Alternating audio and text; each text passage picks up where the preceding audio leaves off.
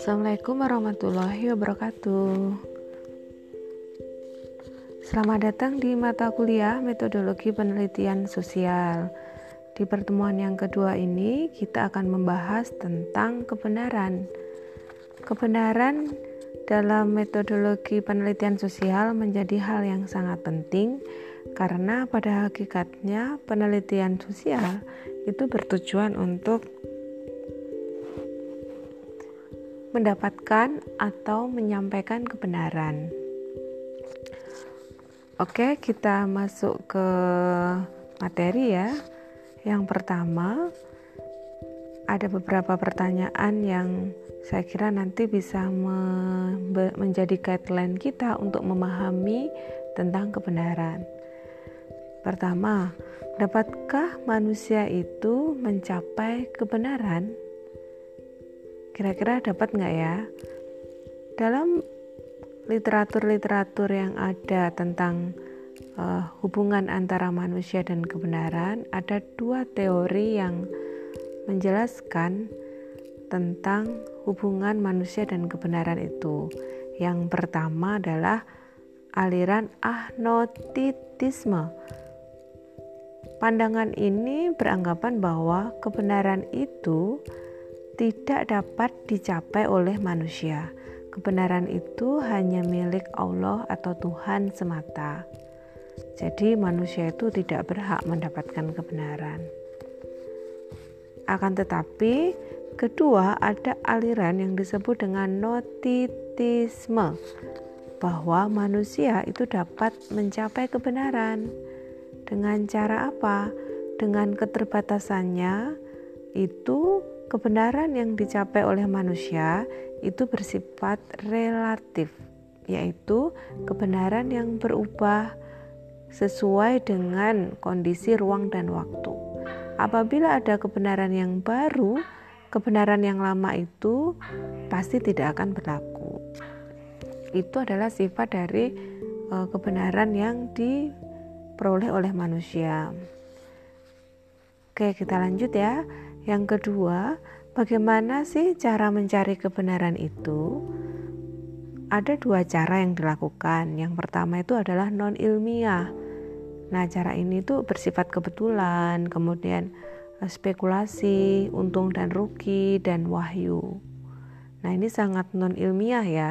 Banyak masyarakat di Indonesia itu mencari kebenaran itu dengan non ilmiah, yaitu hanya ikut-ikut saja termasuk di dalamnya.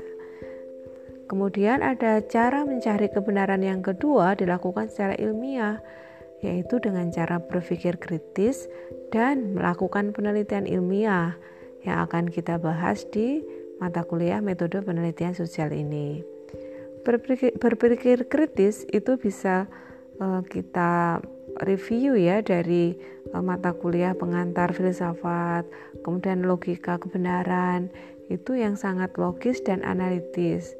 Sederhananya sering kita menggunakan metode penelitian deduktif, kemudian cara berpikir induktif. Nah, itu e, bisa menjadi dasar dari berpikir kritis. Lalu e, pertanyaan ketiga adalah apa sih kriteria kebenaran itu? Ada beberapa pandangan atau teori yang disampaikan oleh beberapa tokoh di dunia tentang uh, proses atau kriteria uh, suatu hal disebut dengan kebenaran. Yang pertama itu teori korespondensi. Teori ini menyatakan bahwa kebenaran itu ada ya, kebenaran itu mewujud apabila dia berhubungan dengan realitas yang nyata. Contohnya misalnya kayak Jakarta itu adalah ibu kota negara Indonesia. Hal itu kan sangat terbukti nyata ya bahwa e, Jakarta adalah ibu kota negara Indonesia. Kemudian yang kedua ada yang disebut dengan teori kohor koherensi. Apa sih teori koherensi? Menurut pandangan teori ini, kebenaran terjadi karena ada suatu kesesuaian antara suatu pernyataan yang sebelumnya dengan pernyataan yang sekarang ini. Jadi, pernyataan yang sekarang ini adalah tidak ujuk-ujuk ada atau tidak muncul serta-merta saja, tetapi ada rentetan historisnya. Contoh, misalnya negara Indonesia itu disebut negara agraris. Nah, kenapa disebut negara agraris? tentu ada landasan berpikirnya yang dari dulu sampai sekarang itu masih ada bahwa sebagian besar mata pencaharian masyarakat Indonesia adalah petani. Nah, itu yang menjadi dasar negara Indonesia disebut negara agraris. Kemudian kita e, melanjutkan teori yang selanjutnya tentang kriteria kebenaran itu adalah teori pragmatis apa sih teori pragmatis itu? Teori pragmatis itu berpendapat bahwa adanya kebenaran itu karena adanya fungsi dalam masyarakat. Nah, misalnya pemberian bantuan dalam masyarakat kita ya dalam berbagai macam bentuknya itu dapat mengurangi kemiskinan. Nah, sehingga pragmatisnya bantuan yang diberikan kepada masyarakat miskin itu terus-menerus ada, karena itu menjadi sebuah kebenaran untuk mengentaskan kemiskinan. Kemudian ada pandangan yang lain tentang kriteria kebenaran itu adalah konstruktivisme. Dalam pandangannya, kebenaran itu adalah suatu konstruksi, suatu bentukan dari proses sosial yang dipengaruhi oleh relasi kuasa tentunya yang memiliki kekuasaan itu yang akan memegang kebenaran itu sendiri.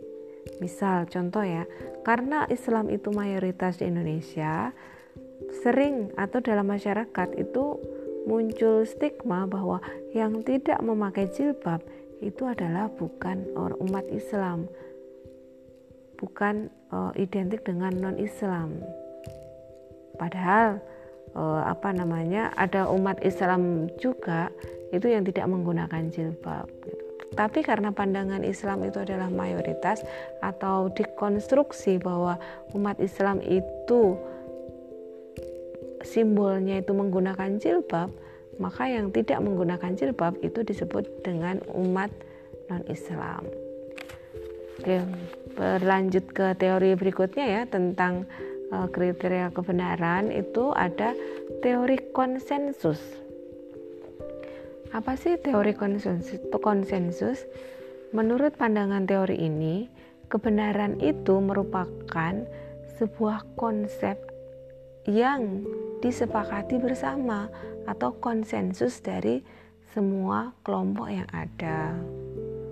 Nah, ketika sudah ada kesepakatan bersama, itu yang disebut dengan kebenaran. Misalnya, Pancasila adalah dasar negara Indonesia. Karena itu dianut dan diakui oleh seluruh rakyat Indonesia, maka itu menjadi sebuah kebenaran. Oke, setelah kita bicara tentang kriteria kebenaran, lalu pertanyaan berikutnya adalah apa sih hubungan antara kebenaran kemudian ilmu dan pengetahuan, dan penelitian yang akan dikaji dalam metode penelitian sosial ini. Kebenaran adalah sesuatu yang diakui sesuai dengan logika, kemudian ilmu merupakan pengetahuan yang sistematis dari proses penelitian, Kemudian, penelitian itu sendiri adalah proses untuk pencarian kebenaran, sehingga bisa kita rumuskan bahwa penelitian akan menghasilkan ilmu pengetahuan. Kemudian, ilmu pengetahuan yang diyakini dan dilakukan secara ilmiah tadi ya melalui proses penelitian dan diakui oleh sebagian masyarakat itu akan menjadi sebuah kebenaran. Oke, baiklah. Itu tadi pembahasan kita tentang kebenaran. Jika ada pertanyaan dari eh, teman-teman uh, semua bisa di, disampaikan melalui chat WA group ya. Kemudian kita diskusikan bersama. Saya akhiri untuk kuliah yang kedua ini tentang kebenaran ya. Kurang lebihnya minta maaf. Wassalamualaikum warahmatullahi wabarakatuh.